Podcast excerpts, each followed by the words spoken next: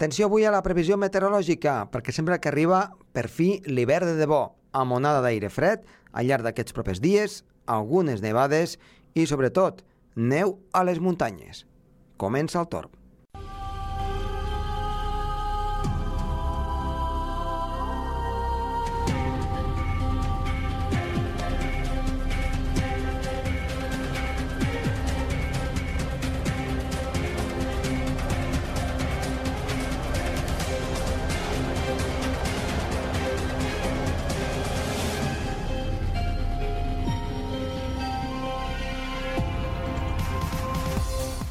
Molt bona tarda. Moltes gràcies per estar una vegada més darrere del seu transistor, el seu vehicle, escoltar-nos doncs, mentre es condueix o des de qualsevol punt del món per internet. Avui parlarem doncs, de l'onada d'aire fred que està afectant a centre Europa i sembla que arriba una mica cap aquí. Atenció aquests propers dies, ho direm després en la previsió meteorològica. I també parlarem una mica de l'espai d'aquesta darrera pel·lícula Passenger que parla una mica doncs, de persones de la Terra que se'n van a un altre planeta a colonitzar-lo i doncs, tot això el que suposa tant des del punt de vista psicològic com sobretot des del punt de vista meteorològic, climàtic, de viure en un altre planeta i també com pot afectar viatjar a velocitats properes a la de la llum. Som-hi!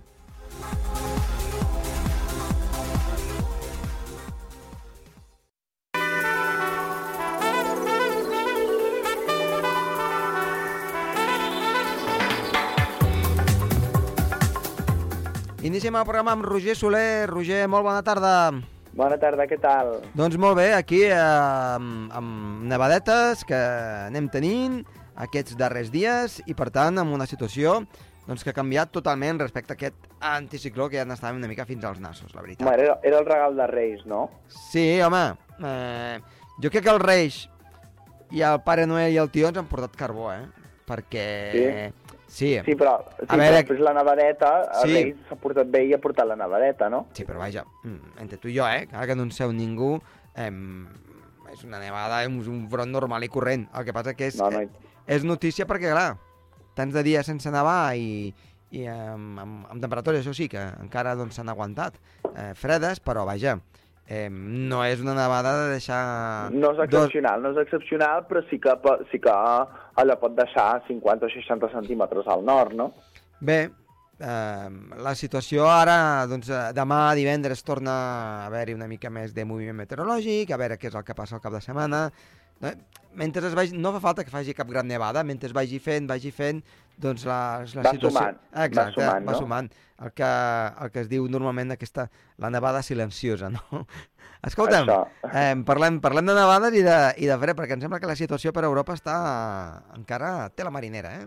complicada, la situació està complicada i sobretot eh, fem referència a la, amb el tema dels, dels refugiats, perquè hi ha diferents ONGs que alerten no? la situació molt perillosa, molt complicada que estan vivint els refugiats a Síria, a Sèrbia, a Grècia, a Lesbos, a causa de les baixíssimes temperatures, la onada de fred també està sac- sacsejant els camps de refugiats. 15.000 persones, Josep, continuen vivint a les illes gregues de l'Egeu a l'espera que traslladin als camps continentals i es puguin escapar del fred, la neu i el vent que pateixen aquests dies. No? Uh, a Mòria, a l'i- a l'illa de Lesbos, centenars de persones, famílies senceres, sobreviuen en tendes sota la neu, malviuen sense mitjans i amb unes condicions cada cop més fràgils. I de mentre, uh, la Comissió Europea i els governs um, sí que estan alerta a això, però no acaben de posar una solució molt clara i es van tirant la pilota uns als altres. Veiem quina és la solució final que acaben fent amb aquesta, amb aquesta pobra gent que estan malvivint i estan patint ja encara més les condicions del fred. Un fred que ha sacsejat bona part del centre-est i al sud d'Europa nevades importants a Grècia, Turquia, a Sicília, al centre d'Itàlia, als Apenins, fins a dos Uh. metres de neu. Dos Sí, sí, metres sí. de neu, eh? Sí, sí, Déu-n'hi-do. sí, sí. Déu-n'hi-do. Una situació que realment ha sigut ben i ben excepcional. Hem vist les illes gregues ben nevades. Mm, és una cosa mm, que no es veu cada any. Sí que, No. és veritat que, a vegades, sí que és veritat que a Grècia hi pot caure algun floc de neu cada any, però Sí, sí. no, és, no és, excep és, és excepcional el fet de la, de la persistència i de l'acumu- de l'acumulació de- d'aquestes nevades, eh? Per No. tant, de- Déu-n'hi-do, déu déu quin fred que ha fet i quines han sigut la, les temperatures que han assolit els 30 graus sota zero Moscou. Moscou ha viscut uh, l'hivern, Moscou ha viscut, volem dir, uh -huh. el Nadal ortodox, que se celebra el 6 de gener. A Rússia el Nadal és el 6 de gener, eh? Uh -huh. el Nadal ortodox més fred dels últims 120 anys. Per tant, déu nhi els rècords que, que s'han viscut. 15, 20, 25 graus sota zero, a Turquia, a l'interior de Grècia, als països que banyen el Mar Negre, a Itàlia, a tota la zona de Polònia, la República Txeca, i de fet eh, ja s'han produït eh, pràcticament 38 víctimes mortals eh, arreu d'Europa a causa directa o indirectament del fred siberià. Eh? Uh -huh. Per exemple, a Itàlia el fred va deixar 7 morts, a la zona dels Abrusses, que és una regió, les escoles tancades a moltes poblacions, feines de reconstrucció, fins i tot a Itàlia, de les zones afectades pel terratrèmol, que s'han hagut d'aturar a causa d'aquestes nevades, i a Polònia, 10 persones han mort, la majoria són uh, gent del quart món, que s'anomena víctimes del centre sostre a causa de les baixes temperatures. Als Balcans, per exemple, mínimes que han fregat els 30 graus sota zero. A Turquia feia molt temps que no passava. Ha tancat el trànsit marítim pel Bòsfor per les condicions meteorològiques i també hi va un accident a la carretera de la mort que connecta um, d'est a oest de la zona de França. Era un, un camió, que, un, un autocar que anava des de, fins a Suïssa i va provocar aproximadament unes set víctimes mortals. Eh? Mm, I fins i tot també hem de parlar d'accidents mortals. Per exemple, a Holanda més de 200 accidents i s'ha activat el codi taronja a causa del gel. I, per exemple, a Alemanya també els accidents eh, han provocat nombrosos vehicles amb xocs en cadena, que ha sigut, diguéssim, un dels accidents més clàssics, quan hi ha neu i quan hi ha gel a les eh, carreteres, no? Problemes també a les infraestructures i en el transport aeri a Istanbul, a l'aeroport d'Ataturk, malauradament famós pels atentats eh, de fa uns mesos, s'han cancel·lat més de 600 vols no només a Taturk, sinó a l'altre aeroport, que s'ha hagut de reallotjar més de 10.000 passatgers en hotels a causa de la forta nevada. Eh?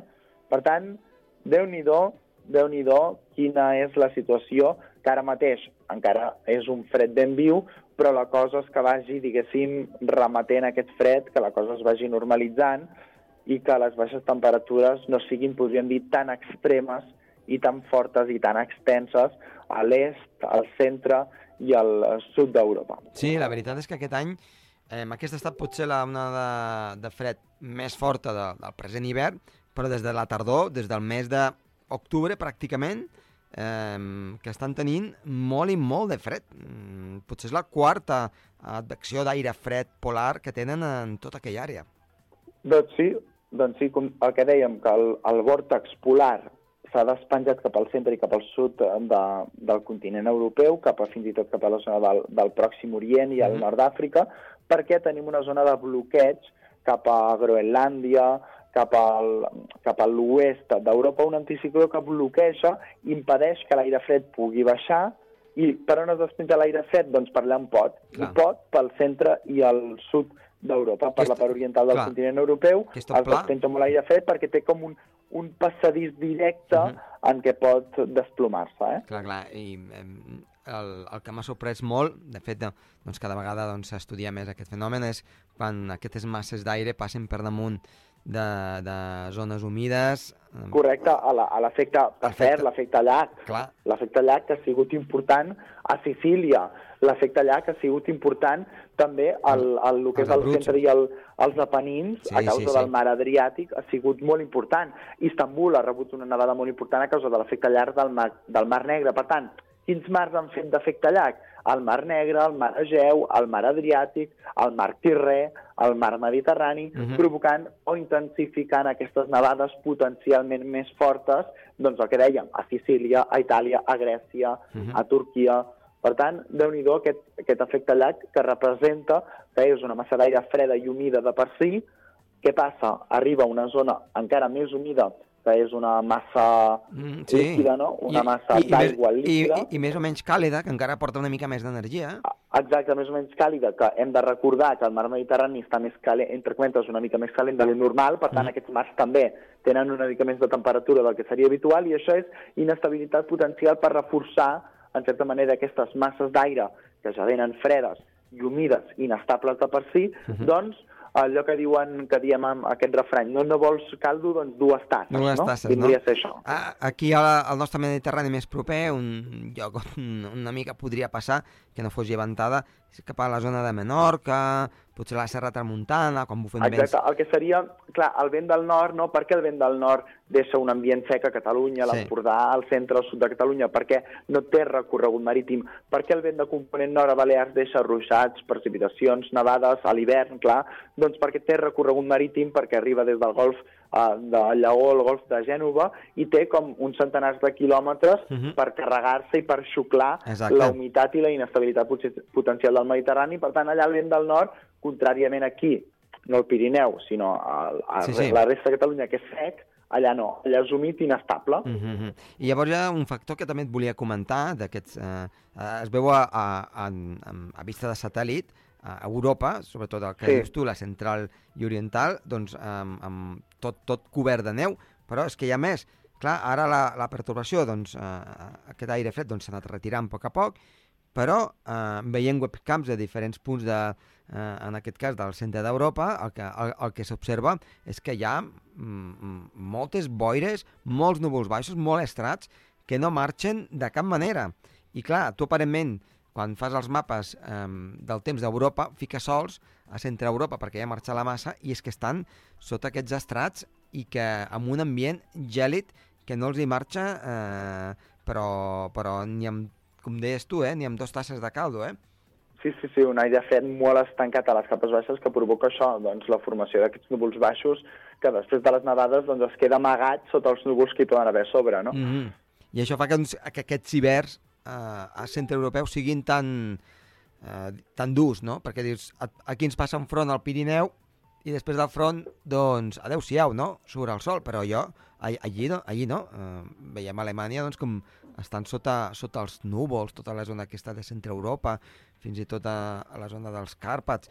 És veritablement espectacular veure com, com aquella gent pot resistir eh, mesos i mesos amb, amb aquesta situació i aquí, Doncs ens, sí. aquí ens fa pensar una cosa de l'afortunat que som de- d'estar en aquesta àrea del Pirineu, que sí, que ens neva, que fa fred, però que quan ha passat tot això surt el sol.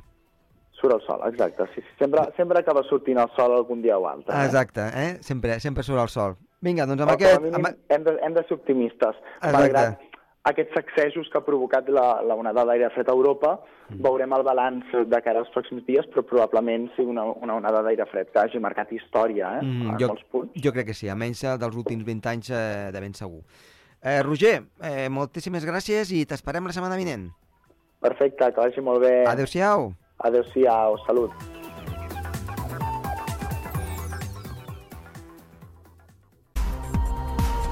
El Torn, amb Josep Tomàs.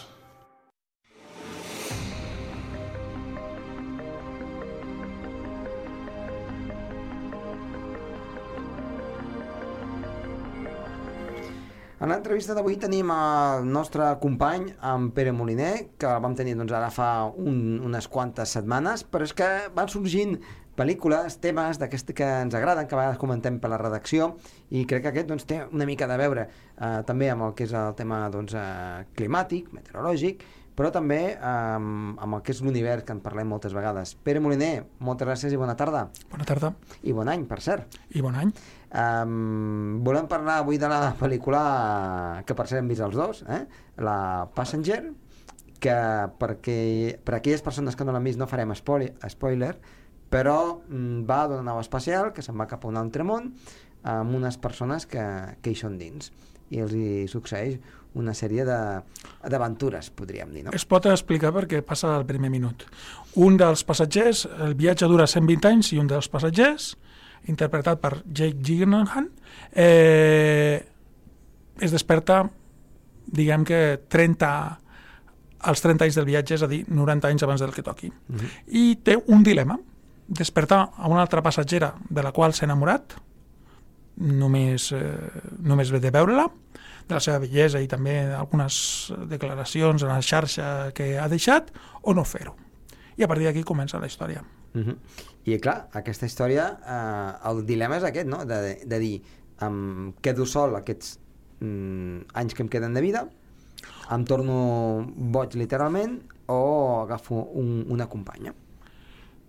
Mm, Sí, bàsicament aquest és el dilema i com els que han vist el tràiler eh, de la pel·lícula saben que ella es desperta. Com? Bé, eh, si volen que vagin a veure la pel·lícula, però eh, és fàcil veure els tràilers de que acaba sent despertada. Exacte. Llavors, uh, una de les coses a mi que m'ha interessat és uh, aquesta pel·lícula que abans fora d'antena definia com una pel·lícula que tenia una idea molt original, que era aquesta, és a dir, una nau espacial d'un futur més o menys proper que va colonitzar un nou món, Homestead 2, que està promogut per una super multinacional, que es diu Homestead, eh, en un planeta idíl·lic semblant a la Terra i en el qual, evidentment, hi ha passatgers eh, rics i passatgers no tan rics, o pobres directament. Uh -huh. Hi ha aquesta diferenciació de social que es mantindrà en el nou planeta que està a uns 60 anys llum. La nau viatja a la meitat de la velocitat de la llum i hem de dir que el motiu per al qual aquest passatger es desperta es pot dir, eh? no és cap eh, secret ni cap spoiler, com es diu ara, és eh, simplement que passa el que no hauria de passar, que és eh, que un meteorit mm, danya un dels sistemes de la nau i comencen a passar coses rares, que en teoria no havia de passar, però és el que passa. A mi aquestes dues coses em semblen dues reflexions molt interessants. Una, que l'atzar al final produeixi eh, el que en teoria no podia passar, i dos, eh, com afronta aquest passatger la seva soledat. Després ja, des del meu punt de vista, ja mm, cau en la comercialitat més absoluta. És una pel·lícula força digna, però jo diria que hi ha una tercera cosa que em fa pensar molt i que no és precisament en l'argument principal de la pel·lícula, però sinó que està en el fons, que és la multinacional que organitza el viatge i el món idíl·lic en el qual va la gent d'entrada se fa falta estar molt desesperat o tenir moltes ganes d'emocions i aventures noves per embarcar-te en un viatge de 120 anys mm, dormit, Dur- Dormit, clar. dormit i que, clar, quan arribis al lloc nou, que serà un lloc desèrtic, eh, tots els teus amics i familiars s'hauran mort ja fa temps. I efectivament és el que ens trobem. Ens trobem amb, amb els protagonistes que són gent, eh, això, que amb ganes de començar de nou, amb veritables pioners, que se senten una mica buits o que tenen ganes de, de ser útils a la Terra, tornant a algun d'ells, o, o bé al seu nou món. La multinacional, doncs, eh, per mi és probablement el menys creïble, perquè estem suposant que 100 o 200 o 300 anys en un futur proper hi haurà una supermultinacional que tindrà tants diners que podrà pagar supernaus espacials per viatjar a anys llum. Uh, diguem que seria, per entendre'ns, una Facebook, una Google, una Coca-Cola, una IBM, uh -huh. un Apple, multiplicat per 10.000, 50.000 és una cosa que jo crec que és bastant increïble. Jo crec que en 50, 100, 200 anys les multinacionals que ara coneixerem s'hauran transformat en alguna altra cosa però no seguiran sent reconeixibles com No, a agents. Per què? Pues perquè les companyies eh, de fa 200 anys ja eren molt diferents i ara i mantenia més un imperi comercial com aquesta empresa sembla que té, perquè aquesta colonització és privada, no pública, és privada, és d'aquesta multinacional, Homestead, és una cosa que és mm, bastant increïble. Bastant increïble perquè les coses canvien, i canvien molt. L'altra cosa que em fa reflexionar, com deia abans, era el paper de l'atzar. Però també hi ha una cosa que, per mi, grinyola i que crec que poca gent s'ha adonat. Planetes, evidentment, és un planeta habitable. Però, llavors, eh, dues coses. Una, l'han fet habitable els homes, que és una cosa molt complicada, sí, potser amb la tecnologia del segle 22-23, però llavors perquè no fan habitable un planeta més proper com Mart o Venus, Exacte. o es dona per suposat que ja era habitable així, ja, ja era habitable de forma natural, no es diu, eh, a la pel·lícula, però que és encara més increïble amb els coneixements de ciència que tenim ara, perquè a nosaltres, eh, els humans, ens hem acostumat a, a un món eh, que té un percentatge d'un 21% d'oxigen. Homestead, eh, per casualitat, eh, Homestead tot, que és aquest planeta, té aquest 21% d'oxigen, o, o proper, seria moltíssima casualitat. Seria una increïble casualitat. Perquè, no, perquè hem de recordar que l'oxigen al nostre món es va formar precisament quan van aparèixer els seus vius i alguns de les algues no me'n recordo quin era el seu nom, però eren els, els primers microorganismes van començar en un procés simbiòtic de començar a expulsar oxigen i a poc a poc van ser ells qui van anar reintroduint l'oxigen. L'oxigen al principi va ser un gran verí. Eh, només van sobreviure els, eh, els éssers vius que, que es van adaptar. La resta van morir. Diríem, podríem dir que la primera gran extinció d'éssers vius Va ser, eh, l'oxigen. va ser l'oxigen. Per tant, que es torni a reproduir mm, seria una increïble casualitat. I això ens parla més de la manca de coneixements científics o d'imaginació que, te, que tenien els guionistes i en realitat la majoria dels humans. Perquè, com ja va dir un personatge de Shakespeare, Horaci, no, Hamlet, el propi Hamlet, a, a, a, a, a, l'obra de teatre homònima, l'univers està més... Eh, és més misteriós i està més ple de coses que no coneixem de les que la nostra filosofia pot arribar a entendre mai. I aquesta és una de les grans limitacions eh, de la ciència-ficció i en aquest cas de Passengers, que en el, el que, en el fons el que fan és pensar que el 2217, no se, no, no se sap si és el 2217 o és quan serà, és un futur proper, però més tecnològicament avançat, hi ha una multinacional més poderosa que les actuals, però que pot organitzar viatges de 60 anys llum. Això és difícil de creure. Jo també, la veritat és que no, no m'ho vaig acabar de creure. Eh? I que arriben a trobar planetes habitables a 60 anys llum, planetes habitables similars a la Terra. Això jo crec que és molt complex. És molt increïblement complex, molt... i que, per tant, és increïblement improbable de trobar-ho. Per això la ciència-ficció s'acostuma a dir, als que ens agrada la ciència-ficció, que la ciència-ficció parla amb l'excusa de els futurs o d'altre o de coses meravelloses parla més de nosaltres mateixos que de, que de, de, de predir el futur. Exacte. En realitat, Passengers eh, vol, vol ser dues coses al mateix temps. Vol ser una, vol ser una pel·lícula romàntica amb acció eh, de dos, eh, dos protagonistes guapos i, ho, acon- i ho aconsegueix i aquest és probablement el seu principal defecte a nivell de guió per part meva, de, de, és la meva opinió almenys i vol ser una reflexió sobre què faríem nosaltres si per alguna de les circumstàncies ens trobéssim absolutament sols. Uh -huh. Són les dues coses. Amb l'excusa de viatge a l'espai, llavors és quan ens preguntem, per exemple, els que som homes, despertaríem a la passatgera guapa per no estar sols? Què faríem? I jo crec que és, aquesta és la part més interessant eh, que té amb, tota, amb tots els defectes i errors eh, que podrem parlar. Despertaríem? No la despertaríem? Mm, I això la ciència-ficció fa molt bé perquè la novel·la policíaca, que a mi també m'agrada, ens posa en circumstàncies de què faria una persona normal si eh, trobés un milió de- d'euros en droga o si es trobe, fos testimoni d'un assassinat. Al límit, al però són coses més o menys creïbles. Però la ciència-ficció amb excuses de com reaccionarien davant d'una invasió extraterrestre Mhm. molt poc probable o que unes superaranyes gegants ens ataquessin o coses així mm, increïblement poc, creïble, poc creïbles, mai millor dit, ens parla de nosaltres mateixos. Uh -huh. I llavors, de, de, i és eh, en aquestes circumstàncies quan eh, jo crec que ens hem de quedar amb això.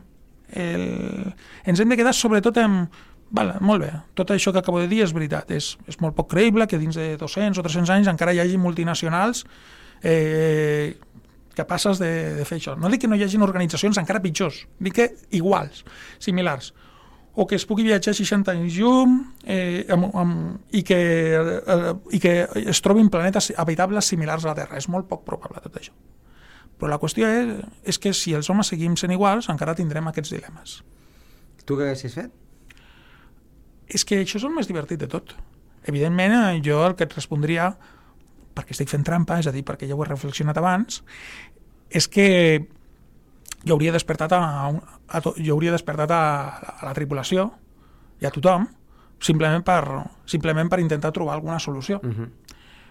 No per intentar conviure amb un esclavatge millor. És a dir, per intentar trobar una solució, és a dir, pues, eh, eh, com a mínim són els de la tripulació els que saben Uh -huh. els que saben com funciona. Jo hauria, com a mínim, despertat a la tripulació. Probablement hauria estat assassinat pels de la tripulació. Però bueno. Però realment no ho sabem. Les persones ens pensem que som d'una manera i en, i ho pensem perquè no ens hem posat en circumstàncies. Mira, amb el nostre planeta Terra, el doctor en psicologia Stephen Simbardo va fer una vegada un experiment de col·locar a presos, a, en realitat a presos i falsos i policies falsos en una presó falsa, que en realitat eren tots estudiants de psicologia. Què va passar? Doncs era un experiment. Doncs què va passar? Doncs que va resultar que els policies falsos, evidentment, es van comportar com a policies autèntics i fins i tot van acabar torturant a companys i els presos es van acabar comportant com a presos. En realitat, les persones moltes vegades som el que són les nostres circumstàncies. Doncs amb aquesta reflexió última és amb la que ens quedem. Pere, moltíssimes gràcies i ja ho saps, uh, fins una propera vegada. Moltes gràcies a vosaltres. Adéu-siau.